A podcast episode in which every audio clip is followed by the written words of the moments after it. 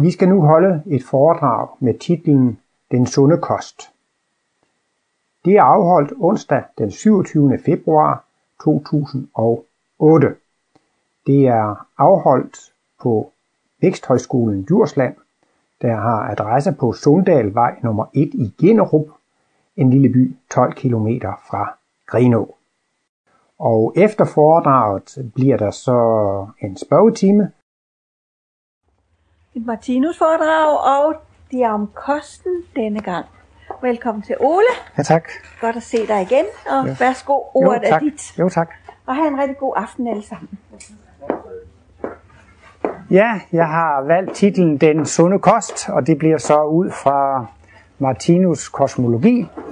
Og øh, Martinus han går jo ikke sådan i detaljer og laver kogebøger og siger, at man skal endelig spise løg, eller man skal ikke spise løg, eller det er sådan lidt mere på et generelt eller på et øh, principielt plan.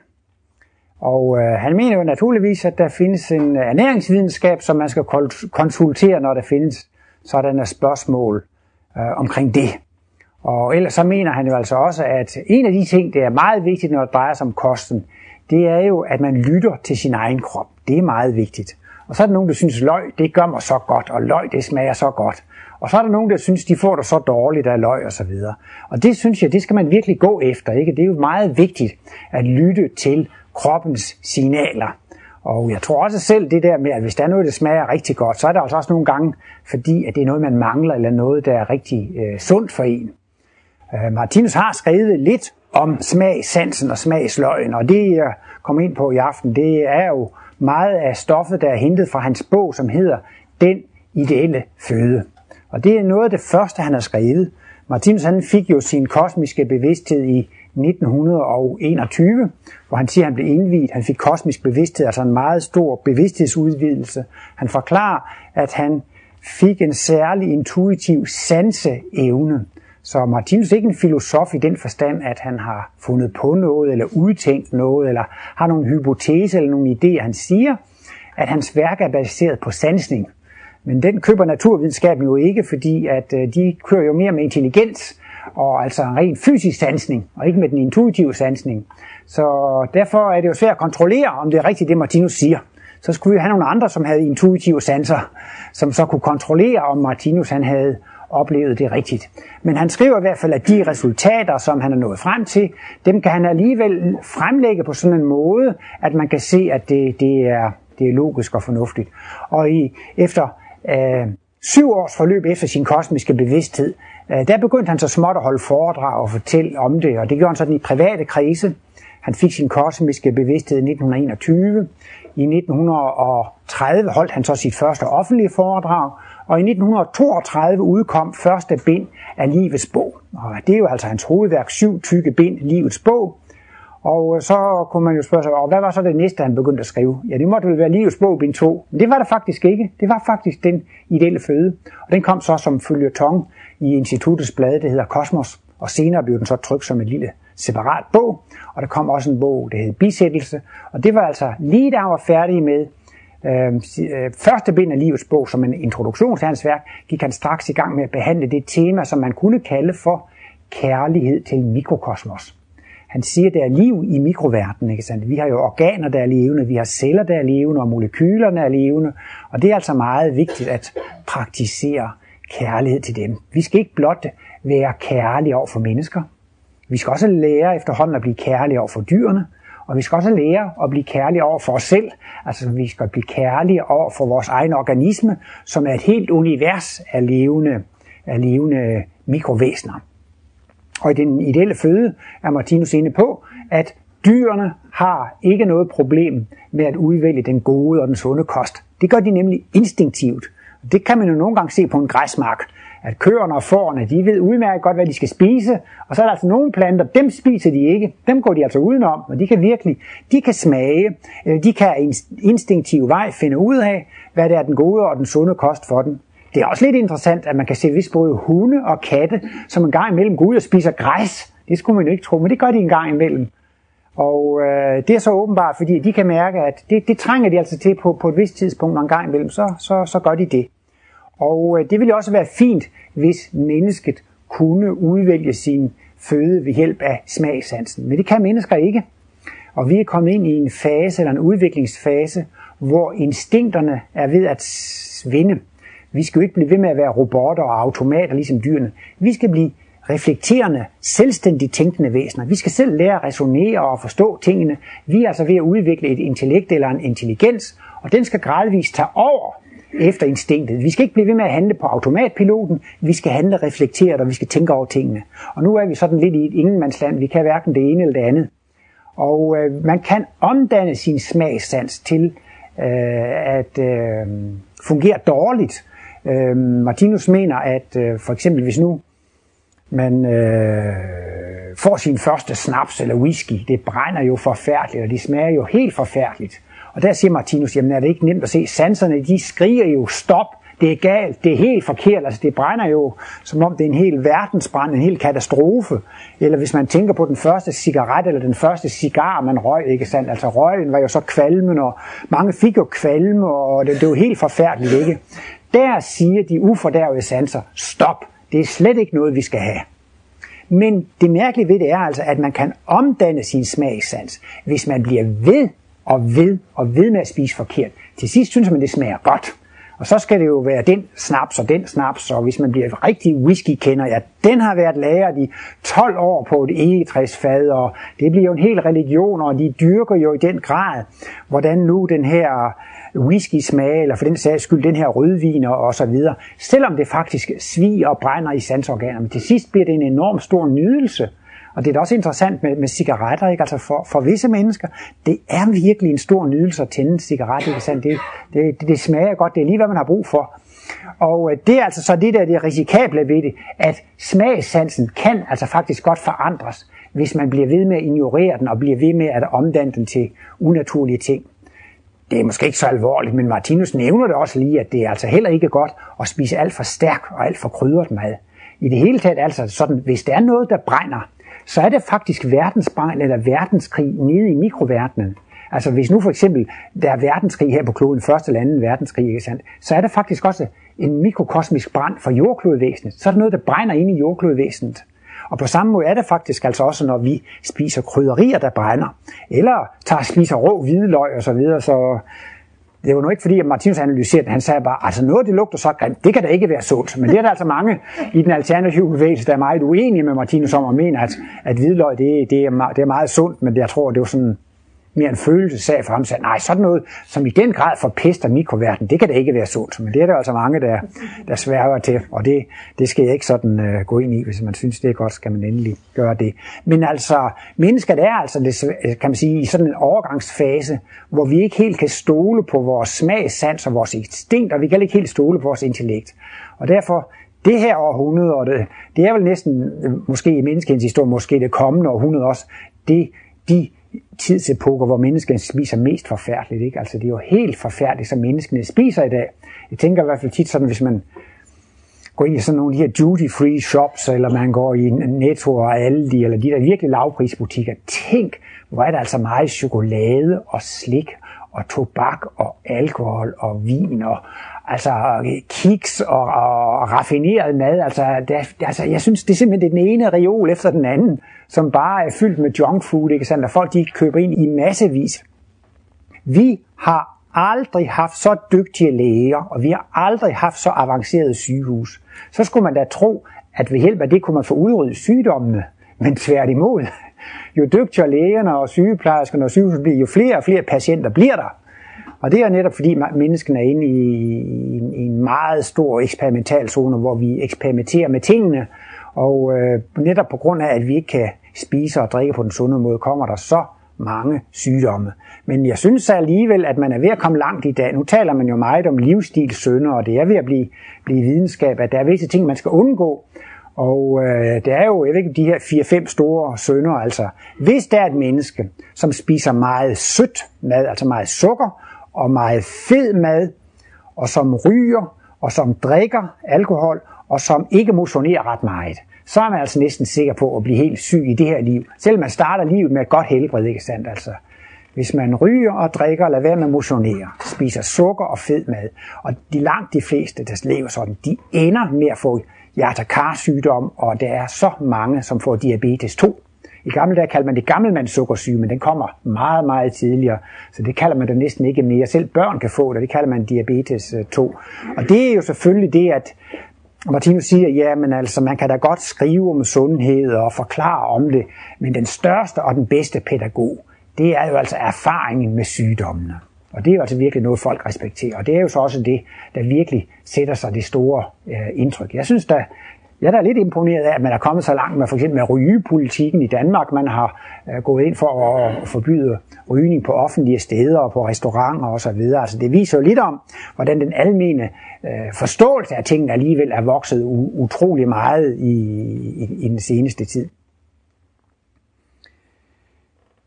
Så det gælder faktisk om at mærke efter, hvad der er sundt og godt for en, og virkelig også prøve på at stole på sine sanser, og ikke begynde at fylde med øh, unaturlige produkter. Generelt kan man jo sige, at hvis man spiser tingene, som de serverer fra naturens hånd, det er det sundeste og det rigtigste.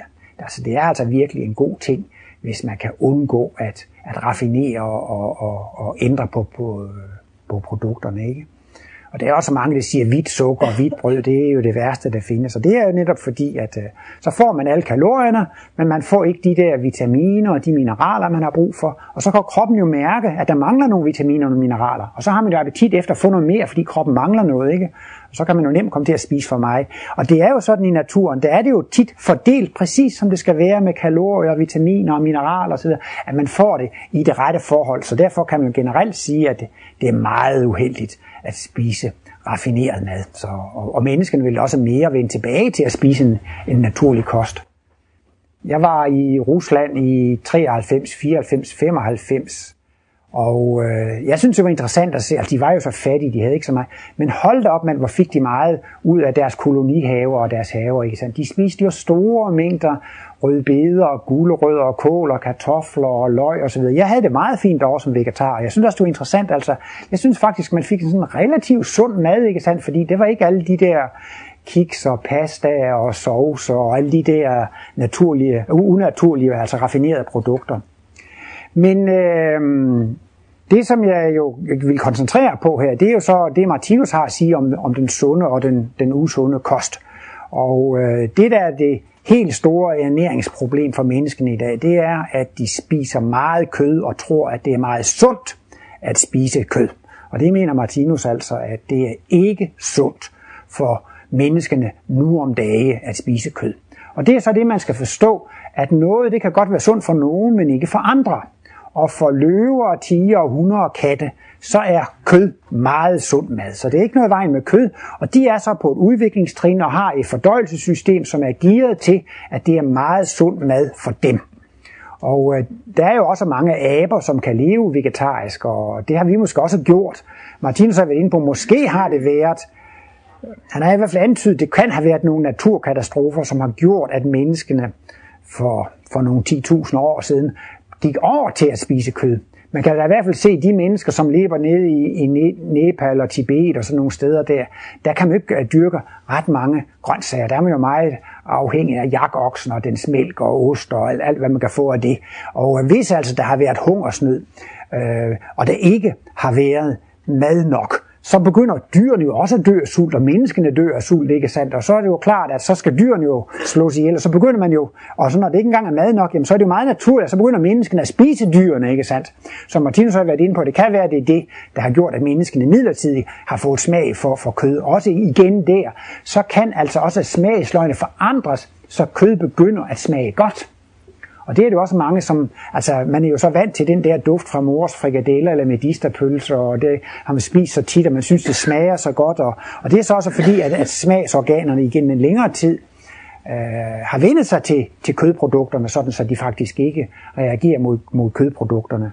Men uh, Martinus taler om, at der findes nogle livsenheder, og det er et symbol, han har kaldt for livsenhedsprincippet. Og det, det der symbol kunne godt symbolisere hele det levende verdensalt. Og det kan symbolisere et menneske, og det kan symbolisere et lille mikrovæsen.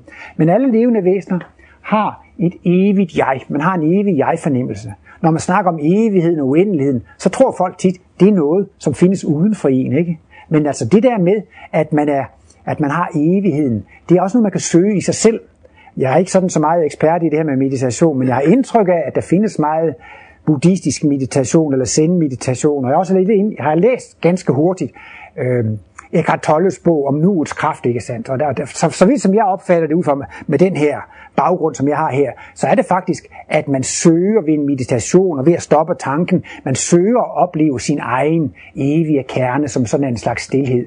Og, så vi har altså alle sammen i os vores væsenskerne, vores jeg, som er noget, som er noget faktisk øh, stille, noget ubevægeligt. Det, det er altså vores øh, evigt uforanderlige væsenskerne, det er jeg. Og vi har alle sammen denne jeg-fornemmelse. Jeg tror også, det bedste, man kan sige, det er, når folk de bliver hele tiden ældre og ældre. Man kan selvfølgelig godt se på kroppen, man bliver ældre, men man føler jo, at man er den samme. Man føler ikke selv, at man er blevet ældre, og det er man i virkeligheden heller ikke, for man har det samme evige, uforanderlige jeg inden i sig selv. Men dette jeg har så altså en evne, en skabe evne til at skabe. Det har en evne til at opleve igen materien, som Martinus taler om, skaberen og skabe evnen, og her ser vi det skabte resultat. Han har sådan en tredeling af det levende væsen. X1, X2, X3 skaberen, skabeevnen og det skabte. Og det er så vores skabte organisme, men den består af levende organer. Men hvert organ er ikke bare levende, hvert organ er også et individ, som har et individuelt jeg. Og organerne har et jeg, en skabe evne, og det skabte resultat, det er jo organet. Men organet, det består af levende celler, og cellerne er også individuelle, de har også et eget jeg. Og de er altså også levende væsener. Og sådan et cellevæsen er så altså så opbygget af af molekyler, og disse molekyler har også et jeg, en skabeevne og et skabt resultat. Og I kan godt se, at det der, det fortsætter, det kan fortsætte i det uendelige nedad, det kan vi bare ikke se detaljerne, det er ligesom med fraktalerne, man kan blive ved med at rejse nedad. Jeg tror nok, det der, det er også det, man kalder for et hologram, ikke? Altså at, at delen er identisk med helheden. Og sådan er det altså med alle levende væsener. Hele universet er ligesom os, og øh, vi er altså, og, og mikroindividerne er altså også ligesom os. Så det er altså sådan et generelt princip, som går igennem hele universet. Det er levende væsener inden i levende væsener, inden i levende væsener, inden i levende væsener. Og sådan en, en celle der kan man altså kalde for en livsenhed. Og så vil jeg vise et symbol af Martinus over øh, den vegetariske og den animalske føde. Der står registrerer nummer 38, det er altså Martinus symbol nummer 38, og det kan man finde i det evige verdensbillede ben 4. Det er også det, vi populært kalder den fjerde symbolbog. Og den her trappeformation skal symbolisere, at vi kan befinde os på forskellige udviklingstrin, og afhængigt af udviklingstrinnet, så findes der altså den, den optimale kost. Der findes altså forskellige kost, som er god for en, afhængig af hvilket udviklingstrin man er på. Og jeg tror lige at går herover på den anden side. Her med den orange farve symboliserer Martinus altid dyreriget. Den orange farve det er også tyngdenergien og eksplosionsenergien, og det er dyrerigets farve. Og her ser vi så et trin, som er halvt gult, halvt gult og halvt orange. Og det er der, hvor jordmennesket er. Han bruger også et sted det udtryk, vi er en sort flygtning mellem to riger. Vi er midt imellem dyrerige og det rigtige menneskerige. Vi kan jo være grusomme og lave krig og myrder, og vi kan føre økonomisk politik, så folk bliver Øh, udsultet og dø og så videre. Men vi kan også være meget humane og kærlige og hjælpsomme. Så her har vi altså jordmenneskenes udvikling. Det er også symboliseret, altså sådan tager Martinus i hvert fald, svinksen. Det er en øh, gådefuld skulptur, fordi den har et menneskeansigt med en dyrekrop, og det tolker Martinus sådan. Det er et symbol på os. Det er et symbol på det jordiske menneske. Halvt dyr og halvt menneske. Derfor halvt gult og halvt orange. Og heroppe på det gule trin, det er altså følelsesenergien, det er kærlighedsenergien. Her har vi altså det rigtige menneskerige. Og det kender vi ikke så meget til, men vi har haft Buddha og Jesus, og Martinus siger altså, at Jesus sagde jo også, mit rige er ikke af denne verden, fordi det her, det er jo vores verden endnu. Men vi skal komme til en verden, som er det rigtige menneskerige. Eller denne vores planet skal vi forvandle til et rigtigt menneskerige. Og vi er jo godt på vej. Hvis man studerer historie, kan man jo se de kæmpe store fremskridt århundrede for århundrede. Hvorfor skulle de stoppe nu? Hvorfor skulle fremskridtene ikke fortsætte? Og her går vi over på nogle åndelige tilværelsesplaner. Og her går vi ind på et tilværelsesplan, som hedder visdomsriget. Og det er her, det intelligente design bliver lavet til alle organismer i naturen. For den sags skyld til kloder og til øh, molekyler. Jeg ved ikke, om I så DR2 i går tirsdag, der var der nogle nye hypoteser om, hvordan vores solsystem var blevet født og dannet. Meget interessant. Man kom næsten sådan til at tænke på makrokosmisk seksualitet. Det var sådan den ene eksplosion efter den anden, som havde gjort, at det blev dannet på den her måde. Og det mener Martinus jo også, at det er jo også bevidste kræfter. Altså ligesom når et barn bliver født, så er det jo et menneske, som inkarnerer, og i samarbejde med moderen, så opbygger det diskarnerede væsen en ny krop. Det er jo ikke bare tilfældige kemiske processer, der producerer et, et velskabt, en velskabt baby. Og det er der altså heller ikke i, i universet. Men det er jo så her i visdomsriget, hvor man sysler med udformningen af alle mulige organismer i mikrokosmos og mellemkosmos og makrokosmos. Og det er den guddommelige verden, og der holder det. Her kan I så genkende en figur med en trekant i midten, og den øh, violette farve, det var det, der før var rundt. Det var altså jeget og skabe evnen, og herude har vi det skabte resultat.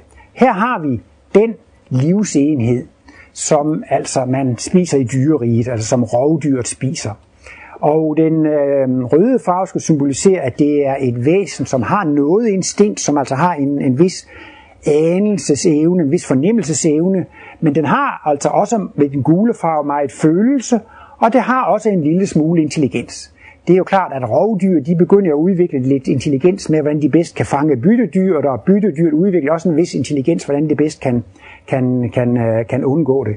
Og her har Martinus så med den her zigzag-linje vist vibrationsniveauet for sådan en animalsk livsenhed. Det er altså et, det er altså et lille dyr, nede i mikroverdenen. Det kunne måske altså bare være en celle i et stykke kød. Altså at det kunne være en dyrisk celle, og det kan egentlig også godt være et, være et dyrisk eller et animalsk øh, molekyle.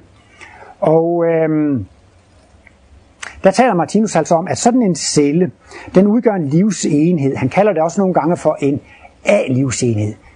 Denne celle, den skal dræbes og nedbrydes, for at dens indhold af næringsstoffer kan frigives. Og de små næringsstoffer, som kan passere ind over tarmvæggen. Det kalder han så for B-livsenheder. Han arbejder altså med to livsenheder, A-livsenheder og B-livsenheder. Og B-livsenhederne, det er dem, som han har tegnet der med den røde farve. Det er kort og godt, altså når vi nu har fået noget ned i maden, og mad ned i maven, og det bliver nedbrudt, og så bliver det yderligere nedbrudt ved enzymer i, i tolvfingertarmen og tyndtarmen, altså og det bliver så nedbrudt til nogle små bestanddele, som så kan absorberes direkte ind over tarmvæggen. Alt, hvad der direkte kan optages i kroppen, det er B-livsenheder, og det de er beregnet til fra naturens side, og de beliver organismen, og man får, får kraft og styrke af at få disse B-livsenheder. Men før disse B-livsenheder er frigjort, så er der altså noget, der skal dræbes. Og det vil sige, at disse små dyriske enheder der, de skal dræbes. Og her har han så med gul og grøn farve vist, at de har altså øh, et vist bevidsthedsliv. Og vi ser her en stiplet linje, der er forbundet op til det her. Her ser vi så sådan nogle, øh, hvad skal man næsten sige, sådan forkvaklede grønne og, og gule figurer. Og det er altså sådan et symbol på den snærte og den lidelse, som, som de får ved at skal øh, dræbes og, og, og, og nedbrydes. Øhm, her har Martinus tegnet et vibration for den vegetariske føde. Og øh, den vegetariske kost, øh, ja, det består jo af selve plantens krop, altså rød og blade, stængler og blade. Eller hvad hedder det? Rod, stængel, blad. Måske også blomsten. Og, øhm, men der findes altså også en slags finere, en slags finere vegetarisk kost, og det er jo, hvis man ikke tager selve plantekroppen, men det, som den har afsat til den næste generation. Altså hvis man siger frø og kerner og frugtkød, det er jo ikke noget, som planten oplever livet igennem. Altså taler man om rod, stængler, blade og blomster, så kan man jo forstå, at der kommer nogle fysiske impulser, og planten oplever livet igennem det. Det er jo selve plantens krop, det er dens livsoplevelsesredskab. Meningen med plantekroppen, det er, at planten skal opleve livet igennem det. Men meningen med frø og kerner og frugtkød osv., det er jo, at det er næring til de kommende generationer, og det mennesker og dyr lever jo også af frugt og bær. Og det er jo en naturens gave, som også er designet til, at de skal kunne, kunne leve af det. Men her ser vi så altså, at, at, øh, at der er, den røde kraftige krigshed symboliserer altså, at, at når man spiser det, så, så, så skal man alligevel dræbe nogle planteceller. Men planten har ikke nerver, ligesom vi har. Planten kan opleve på det fysiske plan, men det er meget en anelsesfornemmelse. Det er en meget diffus sansning. Den kan ane, det er behageligt, det er ubehageligt. Den kan mærke, om der er lys, eller der er mørke, men den kan ikke se billeder. Den har sådan meget svag, øh, så den kan godt føle ubehag ved at blive dræbt, men ikke nær det samme som dyr, som har nervesystem og hjerne. De kan føle realistisk øh, smerte ved. Heroppe har Martinus så tegnet frugtkødslivsenheden. Det er altså um, de livsenheder, som findes i frugtkødet. Og øh, øh, frugtkød, det er jo næsten ren oplagsnæring, hvis man tager et æble. Der findes vist nok nogle ganske få levende celler i selve skallen, rundt omkring ved skallen. Og så er det jo klart, at frøet inde i kernehuset der, der findes jo altså også nogle kimeceller der, som, som har en vis vitalitet. Men meget af det er jo næsten bare kemisk oplagsnæring, som den ikke oplever så meget igen. Og fra naturens side af, så er det altså designet til at være til gavn og glæde for de kommende plantespiger, men altså også for, for, for dyr og mennesker.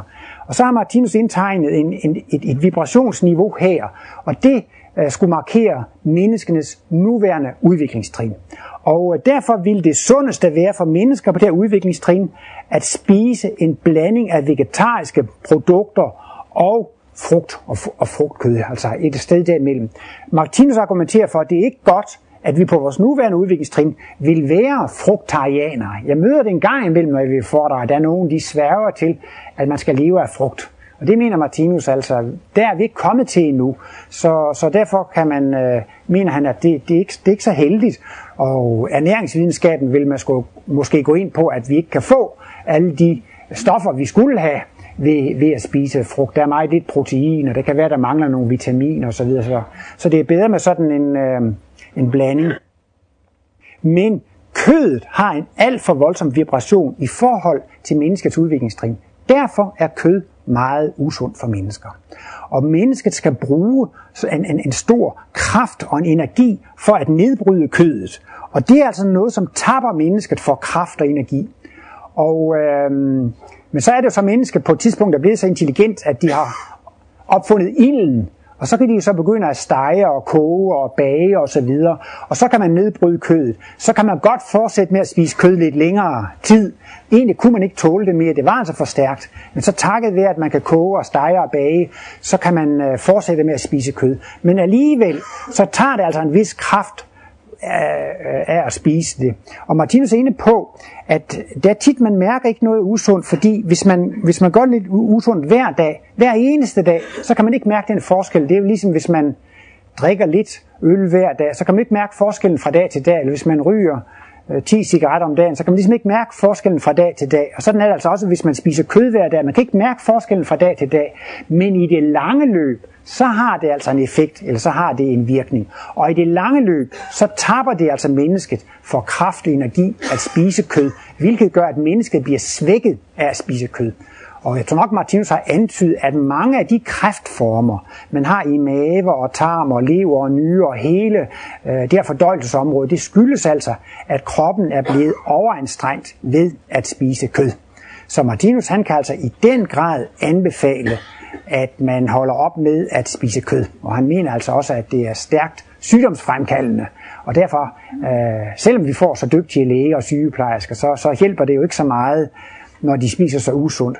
Og Martinus han skrev den ideelle føde øh, omkring 1934-35, men han skrev også, at han var overbevist om, at naturvidenskaben ville komme til at bekræfte, at den animalske føde er usund. Altså han var helt sikker på, at ved videnskabelige undersøgelser ville det efterhånden blive bekræftet. Og øh, der er jo altså kommet flere og flere inden for biologien og biokemien, så kom man da rigtig gang i fedtforskningen i midten af 1950'erne. Og der var det, man kom på det her med kolesterol og det mættede fedt. Altså der fandt man ud af, at det var farligt at spise alt for meget mættet animalsk fedt. Mættet, det er altså mættet med øh, brintatomer. Øh, hvis man har et fedtstof, der har et maksimalt antal brintatomer, så er det mættet. Men så er der nogle gange nogen, der har en dobbeltbinding mellem to kulstofatomer. Den ene binding kunne godt have bundet noget brint, men hvis den ikke gør det, så, så, så, så er den altså umættet. Og det er så noget, man er kommet på senere, at øh, man skal passe på med øh, ikke at få alt for mange mættede fedtsyre. Man skal også have nogle af de, af de umættede. Men der, der synes jeg, at alt det her med hjerte-karsygdom og så videre i midten af 50'erne, der kom man altså ind på at bekræfte, at animalsk fedtstof, det var, det var farligt. Og i USA har det jo været mange forskningsstudier i kræftsygdom. De konkluderer jo stadigvæk, at frugt og grøntsager beskytter mod kræft. Martinus har jo skitseret altså længere frem i tiden, så vil vores fordøjelsessystem blive meget øh, mindre, fordi at, øh, at vi skal ikke nedbryde så grove ting, og så vil vi altså, han ser sådan menneskenes øh, kropstype i fremtiden, der vil vi alle sammen blive højere og slankere, fordi at hele det her øh, voldsomme fordøjelsesapparat, det vil ganske gradvist blive mindre. Men der er vi jo inde i en biologisk udvikling, og det er jo noget, som selvfølgelig går over flere hundrede år. Det er jo ikke sådan noget lige, der, der, der ændrer sig natten over. Men man kan i hvert fald sige, at når vi nu begynder at spise anderledes, så er vi faktisk allerede selv at forberede en ny kropstype. Og det ligger jo selvfølgelig meget imod darwinismen, for darwinismen siger, at de eneste forandringer, det er, når der kommer nogle mutationer, og hvis de mutationer giver en overlevelsesforlige, så overlever de. Det er den eneste måde, man kan forandre sig på. Det spiller ingen rolle, øh, hvad man træner og øver sig i. Det eneste, man må vente på, der kommer en gunstig mutation. Men det er Martinus altså ikke enig i. Han mener altså virkelig, at vi kan påvirke vores organer, vores kropstype ved at begynde at spise på en bestemt måde, fordi det, det, det, det sætter sig altså sine spor. Og så er det så altså også en anden ting, altså udover at kød er usundt for os på vores nuværende udviklingstrin, så er der altså også et meget alvorligt aspekt ved det. Det er det rent skæbnemæssige, eller det, kar, det, det, det, det, det karmiske aspekt. Så der er altså to meget alvorlige aspekter ved kødspisningen. Det er, at det er meget usundt for menneskene, og det er altså det, at man kan få en meget alvorlig karma af det. Og øh, der gælder altså en lov, og det er, at man er selv beskyttet i samme grad, som man beskytter andre levende væsener. Og der, hvor man ikke beskytter andre, øh, der har man huller i auraen. Eller hvad skal man sige, der er man ikke selv beskyttet mod at komme til at opleve noget, noget, noget ubehag. Og Martinus mener altså, at hvis man vil have beskyttelse mod ulykker, så skal man blive vegetar. Fordi at øh, det fungerer på den måde, altså hvis man spiser kød, så, så, så fungerer det på den måde, at man har udført en handling, og så har man udsendt en energi. Og det siger Martinus så, at det bliver transformeret til det principielle i handlingen. Og så bliver det faktisk sendt ud i en karmabue, og, øh, som går ud i verdensrummet.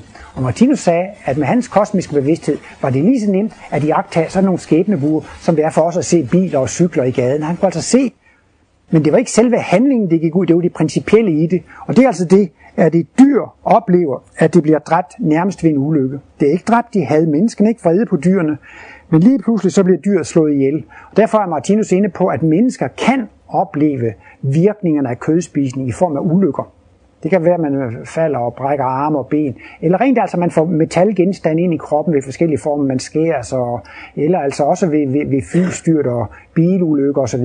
Så Martinus mener virkelig, hvis man vil have beskyttelse mod ulykker, så gælder det om at blive vegetar. Og øh, ellers så er det jo ikke sådan, at Martinus han kritiserede øh, folk og angreb dem. Altså folk skal jo gøre det, de har lyst til, og øh, Martinus sagde jo, han har også skrevet i en lille bog, at han ville da hellere være sammen med, med, med en glad og tolerant kødspiser, end med en fanatisk og sur vegetar. Men altså, så, og, og folk skal selvfølgelig gøre som det, og det kan være en meget hård anklage. Det kan også være meget svært for folk at kapere det her med ulykkerne, hvis de selv eller har nogle meget har haft svære ulykker, eller hvis de ligefrem har nogen i deres nærmeste kreds, som er døde ved, ved, øh, ved, ved ulykker. Men det er altså ikke nogen straf. Det er altså det, at hvis man selv har været med til, så at sige, at metalgenstande er trængt ind i dyrenes kropper, kan man selv få det samme tilbage. Men det er det det formål, at man skal få sådan en medfølelse, at man kan ikke ind og gøre det. Og jeg tror nok, at der er mange i dag, som ville være vegetarer, hvis de selv skulle slagte dyrene. Altså jeg tror ikke, der var ret mange, som selv ville kunne gå ind og slagte en kald og, stikke kniven ind i pulsåren der, tappe blodet af den og flå skinnet af og stå med en kniv og partere. Og det tror jeg, der var mange mennesker. Så vil de ikke spise kalvekød, hvis de selv skulle igennem den proces. Og det er kun godt, for det viser jo bare, at menneskene er blevet mere humane. Man bliver sådan lidt snydt, fordi man kunne bare lige have købt sådan en plastikpakke pakke der i, i frysedisken eller i køledisken, så man tænker ikke lige over, hvad det er for noget. Så er der nogle andre, der har gjort for en. Så det er da et mægtigt fremskridt, at mange ikke ville kunne og det er også meget interessant, hvis børn har kæledyr, kaniner og får og geder og sådan noget, hvis de så altså lige pludselig skal slagtes, der er der altså virkelig noget, der rører sig ind i børnene. Det kan de slet ikke forstå, at de skal slagtes og spises. Og sådan er det jo måske også mange, der er blevet vegetarer. Jeg har hørt om Marty Feldman, som har lavet så mange morsomme film. Jeg er jo helt vild med Marty Feldman. Efter sine så boede han jo inde i London, og han så jo bare hunde og katter og heste og duer og sådan noget. Og så var han på sommerferie ude på landet, og der så han så, hvordan de slagtede grisene og fårene. Og siden den tid, så har han altså været vegetar. Han var så ikke klar over, at det var sådan, det forholdt sig. At det var sådan, at man fik kødet netop ved, at han så, at, at de slagtede kaninerne og fårene og, og, og altså øh, kæledyr. Så det gjorde altså meget dybt, øh, meget dybt øh, indtryk på ham. Så der er altså også dette øh, skæbnemæssige øh, aspekt ved det. Det er måske også mange, det, de, de synes, det er mærkeligt, altså hvis nu der er 250 mennesker, der falder ned med et fly og, og bliver dræbt, og der er mange, der taler om, det er dem, der er en kollektiv skæbne eller sådan noget, men altså, det er jo rigtigt nok, at de får skæbneudløsningen samtidig, men det er alligevel resultaterne af noget, af noget individuelt, de, de, øh, at, at de selv har gjort. Og så hører man jo også så mange historier om, at så ringer vækkeklokken ikke, og så er der en, der ikke kommer med flyet, og så er der lige pludselig en, der kommer med på en afbudsrejse. Og det har hørt også om den der en færge, der gik ned i Østersøen osv. Det var også nogle lastbilchauffører, der kom fra Polen, og i sidste øjeblik, de ville med, men tollerne, de skulle absolut undersøge, og de kom for sent til færgen, og de blev så vrede over, at de kom for sent til færgen, fordi tolleren skulle gå og undersøge, undersøge, og så viste det sig bagefter, at, at, at de blev, blev vrede og så sådan, sådan kan altså der også være mange små reguleringsmekanismer, som, som ser til, at, øh, at man får den skæbne, man skal, øh, man skal have. Og med hensyn til sundheden, så ser Martinus det jo i et reinkarnationsprincip, og sundheden den bliver altså ført videre fra liv til liv. Og det vil så altså også sige, at hvis man lever meget sundt i et liv, jamen, så bliver man født meget sundt i næste liv. Og lever man i stor sundhed og med stor livskraft, jamen, så bliver man også født med en stor sundhed og en stærk livskraft næste gang. Men har man praktiseret livs sønder i et liv eller flere liv, og har svækket sin organisme, så bliver man født i en tilsvarende svækket krop. Og det vil altså også sige, at hvis et barn bliver født med en sygdom, så skal årsagen findes i tidligere liv. Det er selvfølgelig rigtigt nok, at det har fået nogle gener fra forældrene af. Og så siger man, at det er forældrene, der er skyld i det. Men sådan ser det ikke ud i et åndsvidenskabeligt perspektiv. Så er det jo altså væsenets egen evige fortid, der er bestemmende. Og i den ideelle føde går Martinus også ind på at øh, tale om, at der er børn, som bliver født med stofskiftesygdom. Og det kan for eksempel være, at begge forældre er overvægtige, og barnet bliver altså også overvægtigt. Ikke? Det synes jeg selv, da jeg læste biokemi, det var noget af det mest fascinerende, da jeg kom til det, der det hed Inborn Metabolic Errors, medfødte stofskiftesygdomme. Og der kunne man så lige frem gå ned på at sige, dengang DNA-molekylet blev kopieret, blev der lavet en fejl på det sted der. Og den fejl gør, at nu kommer der en forkert aminosyre ind i det der enzym, og nu virker det der enzym ikke, og så kan det ikke fordøje det stof, og så bliver det, og så, og der synes jeg, det var meget fascinerende, at man helt ned på molekylært niveau kunne vise, hvordan øh, maskineriet ikke, ikke virkede. Og der er det så, at man inden for naturvidenskaben siger, jamen den stofskifte sygdom skyldes en kopieringsfejl, som er opstået ved en tilfældighed. Det er bare en mutation, så det er bare bad luck. Man har trukket en, en nitte i livets lotteri, og så har man så fået den sygdom. Men, men, men, men Martinus forklarer, at vi har i vores overbevidsthed en, en, øh, et, et, øh, et skæbne element. Han taler om, at jeget og skabeevnen, det er en evig struktur. Så det levende væsen er altså en, skruet sammen på en meget speciel måde. Vi har både en evig struktur og en skabt eller en timelig struktur. Kroppen, det er et redskab, ligesom man kan have en bil eller en cykel nogle år, ikke Så har man altså også en krop, det er også et redskab, Det kan man så måske have 70, 80, 90, 100 år, så, så er det der redskab udslut, og kroppen går under. Men bevidstheden går ikke under. Og alt det, man har lært sig i løbet af et liv, det bliver koncentreret i noget, Martinus kalder for talenter, eller talentkerner. Og disse talentkerner, de bliver udstationeret i den evige struktur. Derfor forsvinder talenterne ikke med kroppens undergang. De bliver bevaret i en åndelig struktur, og kan derfor overføres til næste liv, ikke sandt? Og det vil altså også sige, at resultatet af al, al vores træning overføres til næste liv. En gang så må vi regne med, at vi har været nogle små rundorme eller fladorme, som har haft et nervesystem, for som nærmest var ligesom en knappenål. Bare lige sådan en lille streg ned ved ryggraden, og så sådan et lille hoved hen for enden der, eller sådan en lille knop der. Og så har vi jo trænet og øvet, altså vi har jo op igennem hele dyreriet, fra orm til fisk til krybdyr, til, til, til abe, til menneske. Vi har i den grad trænet og øvet vores finmotorik. Det er jo talenter. Og for hvert liv, vi har trænet og øvet, så har vi fået bedre og bedre talenter. Så det har jo taget, det har taget hundreder af millioner af år faktisk for os at udvikle vores geniale hjernesystem, hjerne- og nervesystem. Og hele blueprintet, altså hele tegningen og skitsen til det, det ligger i vores talentkerner. Og de er altså gradvist vokset og gradvist blevet udviklet liv for liv. På et tidspunkt, så begynder blomsterne at lave øh, blade, som kan fange insekter. Og nogle gange kan man falde ned i blomsten, og man kan falde ned i nogle blade. Og så begynder de planter at udskille, udskille et enzym, som kan fordøje insekterne. Så begynder de faktisk med en mave. Det er det allerførste gang, man begynder med et forbrændingsfordøjelsesprincip. Det er kød, kødædende planter. Og der begynder man så også at træne et talent op for mave. Det er jo meget simpelt fordøjelsessystem. Man har bare lige sådan en kande, og så et lille enzym, så kan man trække lidt næring ud af det. Men vi får jo meget kompliceret med mave og 12-fingertarm og tyndtarm og tyktarm, og det bliver udviklet sig. Men det er altså noget, man træner og træner. Så hele vores fantastiske fysiologi, hele vores, alle organers funktioner er noget, vi har trænet op over mange liv. Og det findes lagret i talentkernerne, og det garanterer, at det kan overføres fra liv til liv. Men så er det så altså, at ved usund levevis, så kan man altså ødelægge det. Og der er Martinus så for eksempel inde på, hvis man spiser for meget, hvis man hver dag spiser en lille smule for meget. Det kan være meget fristende her på skolen med den gode mad, ikke sandt? Morgen, middag og aften, så bliver man fristet til måske lige at spise lidt mere. Men der er også mange mennesker, altså de har ligesom gjort det til et livsstil. De, de, de, de, de, de, de lever altså for at spise, altså ligesom det, det med fine menuer, og forretter, hovedretter, efterretter, og fine desserter, og, altså det, det, det er simpelthen lige ved at spise dejligt, ikke? Og de kan komme ind i en sådan vane med, at de spiser for meget hver dag, men når man gør det hver eneste dag, så lægger man ikke mærke til det til sidst. Men det er alligevel en overbelastning af fordøjelsessystemet, hvis man spiser for meget hver eneste dag. Så saboterer man talentet for en normal stofskifte, for en normal fordøjelse. Og derfor kan man i næste liv blive født med medfødte stofskiftesygdomme. Fordi at ved at man har øh, misbrugt maskineri. Hvis man bliver ved med at kaste grus i et maskineri, så går det jo i stykker til sidst. Og hvis vi bliver ved med at overbelaste, så kaster vi på en måde også grus i vores fordøjelsesmaskineri, ikke sandt? Og så går maskineriet altså lidt i stykker. Og det bliver altså markeret i de der talentkerner, at de bliver delvis defekte.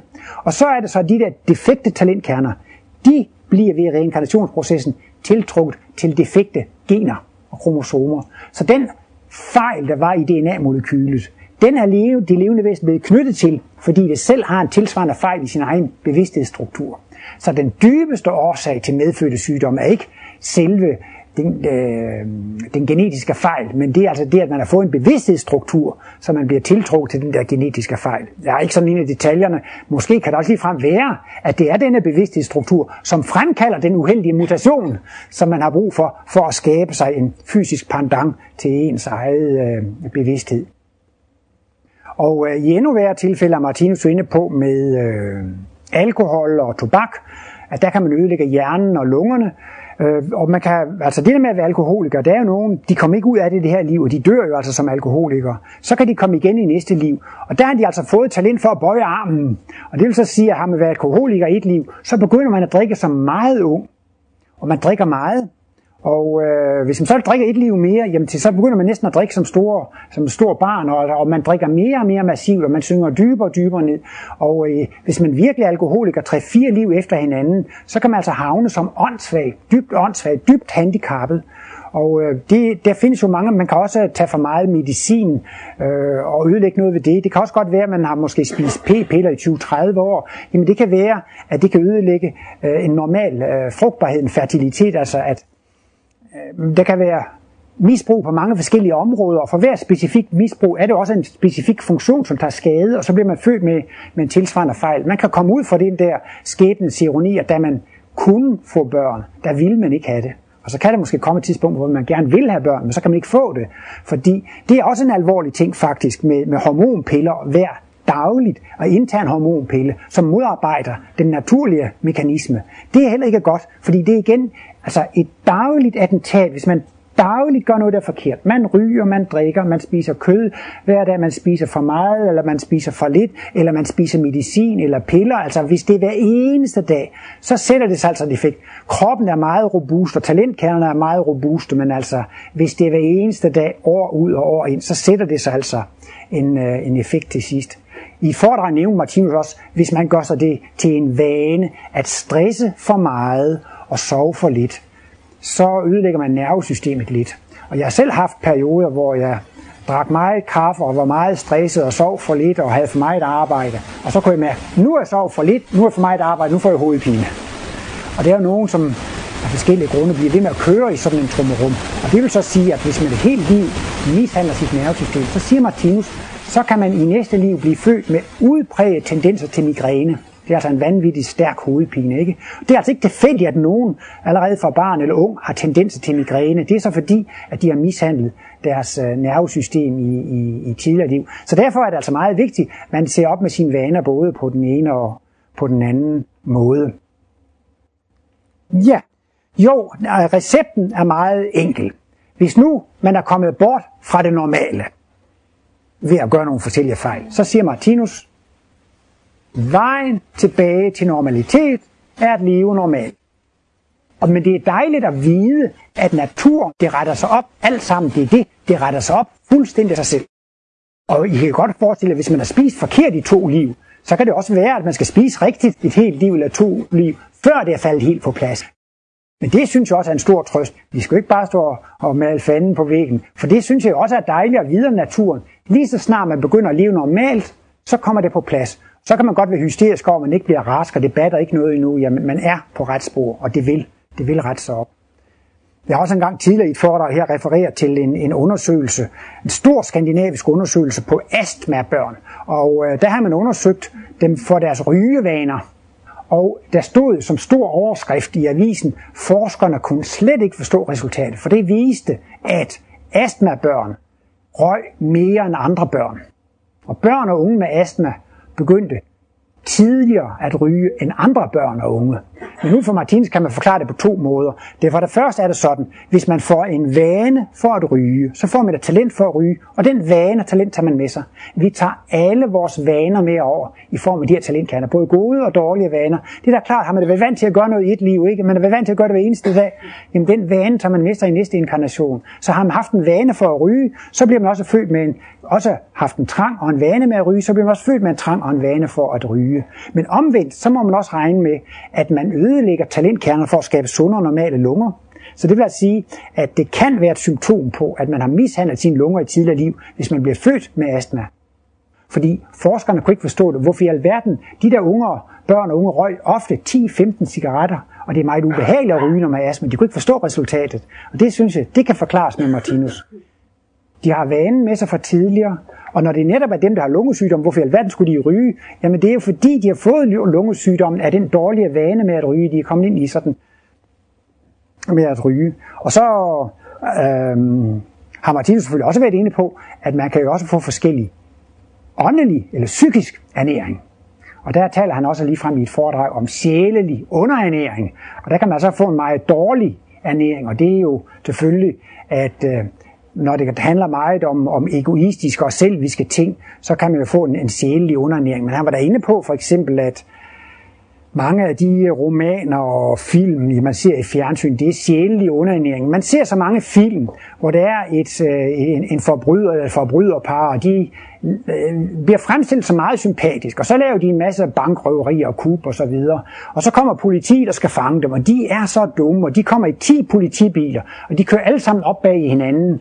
Og politifolkene, de er så dumme, og de der øh, røvere, de slipper altså godt fra det hele tiden. Ikke? Det synes Martinus, det er sjælelig underernæring. Det ser ud som om, at man godt må snyde og stjæle og, og grine af politiet. Altså alt, hvad der sådan øh, forhærdiger magtsyge, egoisme, og, og altså det, at man, man, man, man, man må stjæle og lyve og alt sådan noget. Ikke? Og det er utrolig meget af den slags, som forherliger, forherliger. Jeg synes, der er så mange cowboyfilm og kriminalfilm og så videre, som på en eller anden måde gør skurkene og banditterne, Butch Cassidy and the Kid og hvad de hedder. Altså, der er også mange af de der cowboyfilm. Det er helt i orden, at man skyder og dræber og så videre, ah, fordi de, der var lige noget, de skulle hævne, og det er helt i orden, man skal hævne det og så videre. Men det er altså sjælelig undernæring.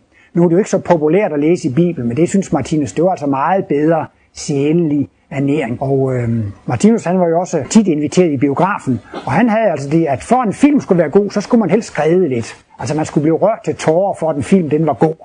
Og det, der især rørte Martinus, det var altså det her med Kristusmotivet. Ikke? Og det er altså noget med, hvis der er en, man har behandlet dårligt, forfulgt og så videre, og så lige pludselig, så er der en, der står og har brug for det der menneskes hjælp, men har så mobbet det været efter før, ikke sandt? Og så er det jo tit, der kommer sådan nogle øjeblikke, hvor det mennesker, der har været forfulgt og blevet dårligt behandlet, hjælper dem, som har forfulgt dem og undertrykt dem. Ikke? Det er det, at man velsigner sine fjender, man hjælper sine fjender, dem der har modarbejdet det. Altså at, og så bliver man jo rørt, ikke? I har sikkert også set film, hvor forældrene har behandlet børnene dårligt, ikke? Og så på trods af det, så hjælper børnene og offrer sig for, for at hjælpe forældrene, ikke? Så, så der er mange eksempler på det der med Kristusmotivet. Men altså, det siger Martinus, det er rigtig sjældent, og det vil der komme meget mere af.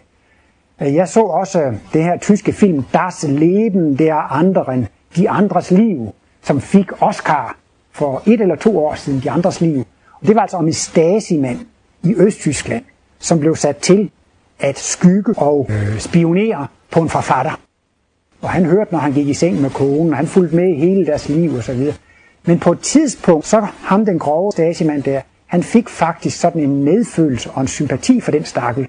Så han prøvede at dække over øh, dem, han overvågede, ikke? Og det er jo farligt, fordi så, så, så er det jo hans eget liv som indsats, ikke sandt? Og det var jo altså simpelthen så utrolig rørende at se, at, at han redder altså faktisk ham forfatteren, ikke sandt? Så blev han ikke selv slået ihjel, men så fik han altså en hård straf, og han fik et elendigt job. Han skulle bare sidde og, jeg kan ikke huske, hvad der var, damp frimærker af, og han, han fik sådan, et, altså man fik sådan en rigtig usel job, som han gjorde det alligevel ikke. Og den fik en Oscar, og man, jeg blev så rørt, og, og mange græd, og de kunne ikke lade være. Og jeg tænkte bare, det er rendyrket Kristusmotiv. Altså man bliver virkelig berørt, når det er det, man velsigner sine fjender. Ikke? Man hjælper dem, der har været imod en. Altså det er betingelsesløs kærlighed. Det gør ikke noget, at de er imod mig, forfølger mig og behandler mig dårligt. Jeg elsker dem og holder af dem. Og på den måde, der kan man sige, der er der jo virkelig noget sjælelig ernæring i Bibelen, og det mener Martinus jo også i alle hans kosmiske analyser, altså i åndsvidenskaben, ved at studere sådan noget. Det er jo virkelig altså sjælelig, øh, god sjælelig ernæring, altså det er jo virkelig noget, som, som kan stimulere en til at øh, praktisere næstekærligheden. Der var også flere forskellige, måske forskellige detaljer om, om, om kosten, men vi har jo også en spørgetime, så, så det kunne man jo eventuelt øh, vende tilbage til senere. Men det, der altså er det gennemgående i hele Martinus kosmologi, altså hvorfor han lavede det, det er altså øh, for at stimulere mennesker til at praktisere næstekærlighed. Og alt, hvad Martinus skriver, det er argumenter for, at det betaler sig at være god. Det lyder måske sådan lidt kræmmeragtigt. Nu kom han jo også fra Jylland af, og han sagde jo tit, at tingene er meget simpelt. Og ved lejlighed sagde han, det er min mission at vise, at det betaler sig at være god. Og i dag er folk blevet så kloge, at de gør kun det, det betaler sig. Og det ser ud som om, at det betaler sig at investere i aktier, eller i hvert fald i fast ejendom. Og nu er det noget, der ser ud til, at det betaler sig at investere i guld. Men altså, og så gør folk det, fordi det betaler sig, ikke sandt? Og jeg synes altså, da jeg var ung der i 60'erne og 70'erne, der var der sådan lidt mere hippie og sådan lidt mere kommunistisk og sådan noget. Jeg synes, det, det er en kolossal bølge i dag, altså det med at spekulere i frit værdi og ejerlejligheder og andelslejligheder. Altså jeg synes, og aktier og pensionsordninger. Jeg synes altså, det er i den grad gennemsyret af, at folk tænker i penge, og tænker i, hvordan man kan rave så mange penge til sig som muligt, ikke sandt? Det ser ud som om det betaler sig at gøre alt muligt for at få arbejdsfri indtægter, for at komme så let som muligt til pengene. Men får man en arbejdsfri indtægt, så er der altså nogen derude, som ikke får betaling, den rigtige betaling, de skal have for, for deres arbejde.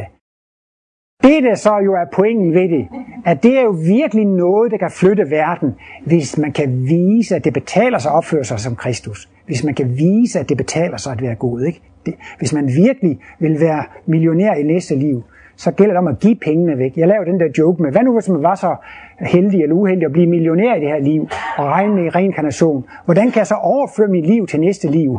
Man kan måske ikke huske kontonummeret, og arvingerne siger rent med pengene i mellemtiden.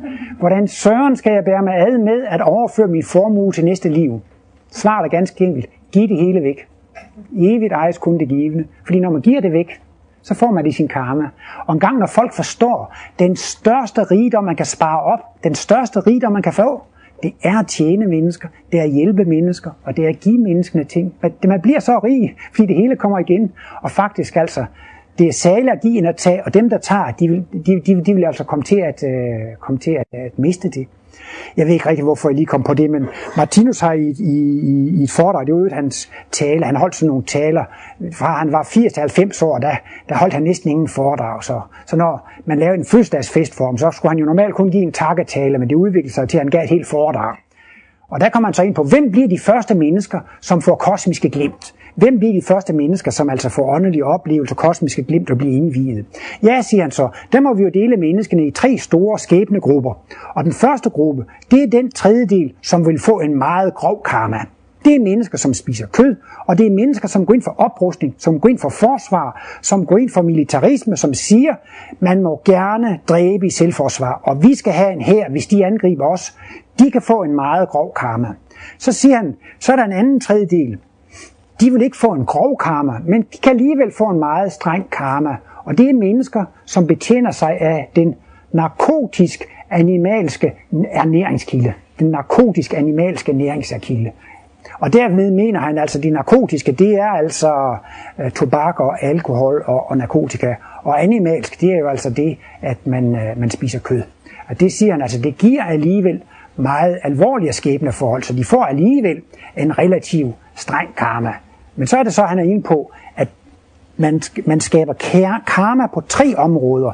I sin relation til andre mennesker, i relation til dyrene, og så i relation til sin mikroverden. Og øhm, det er jo meget oplagt, og det har jo været prædiket igennem årtusinder, at vi skal elske vores, vores, vores, vores medmennesker.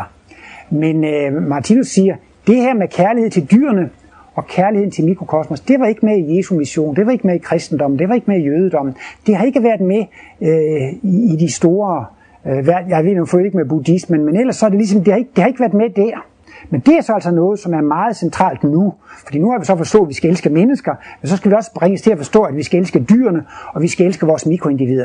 Og det har altså også noget med næste kærlighed at gøre. Man skal elske sin næste. Men hvem er min næste? Ja, det betyder ikke den der nærmest, den der næste en til en selv. Men det er jo faktisk ikke noget, der er nærmere en selv end ens egne organer. Det er ikke bare kødklumper, det er levende væsener. Cellerne er levende væsener, molekylerne er levende væsener. Og det er virkelig at praktisere næste kærlighed, at elske sine mikroindivider. Og jeg har ikke været så meget inde på det nu, og tiden løber, men Martinus er inde på, at vi kan mishandle vores mikroindivider ved usunde nydelsesmidler og ved usund kost. Men vi kan også i den grad mishandle dem med forkerte tanker. Og Martinus mener sådan set altså, at årsagen til alle sygdomme, det skyldes tankefejl. Og årsagen til sygdomme er mangel på kærlighed. Mangel på kærlighed. Mangel på kærlighed til andre mennesker, mangel på kærlighed til dyr, og mangel på kærlighed til, til mikrovæsenerne. Og derfor er det jo også, at man kan sige, at man bliver syg af mangel på kærlighed, men hvis man ser på healing og mirakelhelbredelse, så er det jo folk, som gør til sig redskab for kærligheden. Folk, som vil det kærlige, ikke? Og det er også sådan lidt interessant, at det er kærligheden, der sætter tingene på plads, og det er kærligheden, der får, får, får, får dem ud af plads. Så derfor er altså hele Martinus verdensbillede, det er en kærlighedsvidenskab, og det forklarer altså, hvad der er kærligt, og hvad der er ukærligt, hvad der er ondt, og, og hvad der er godt. Det er altså en morallærer, som prøver på at, at forklare, hvad, hvad der er godt og ondt. Og der har han altså alligevel også lagt meget stor vægt på, hvordan vi ved en sund og en god kost øh, kan være med til at praktisere næste kærlighed til, vor, til vores eget mikrounivers. Tak for opmærksomheden.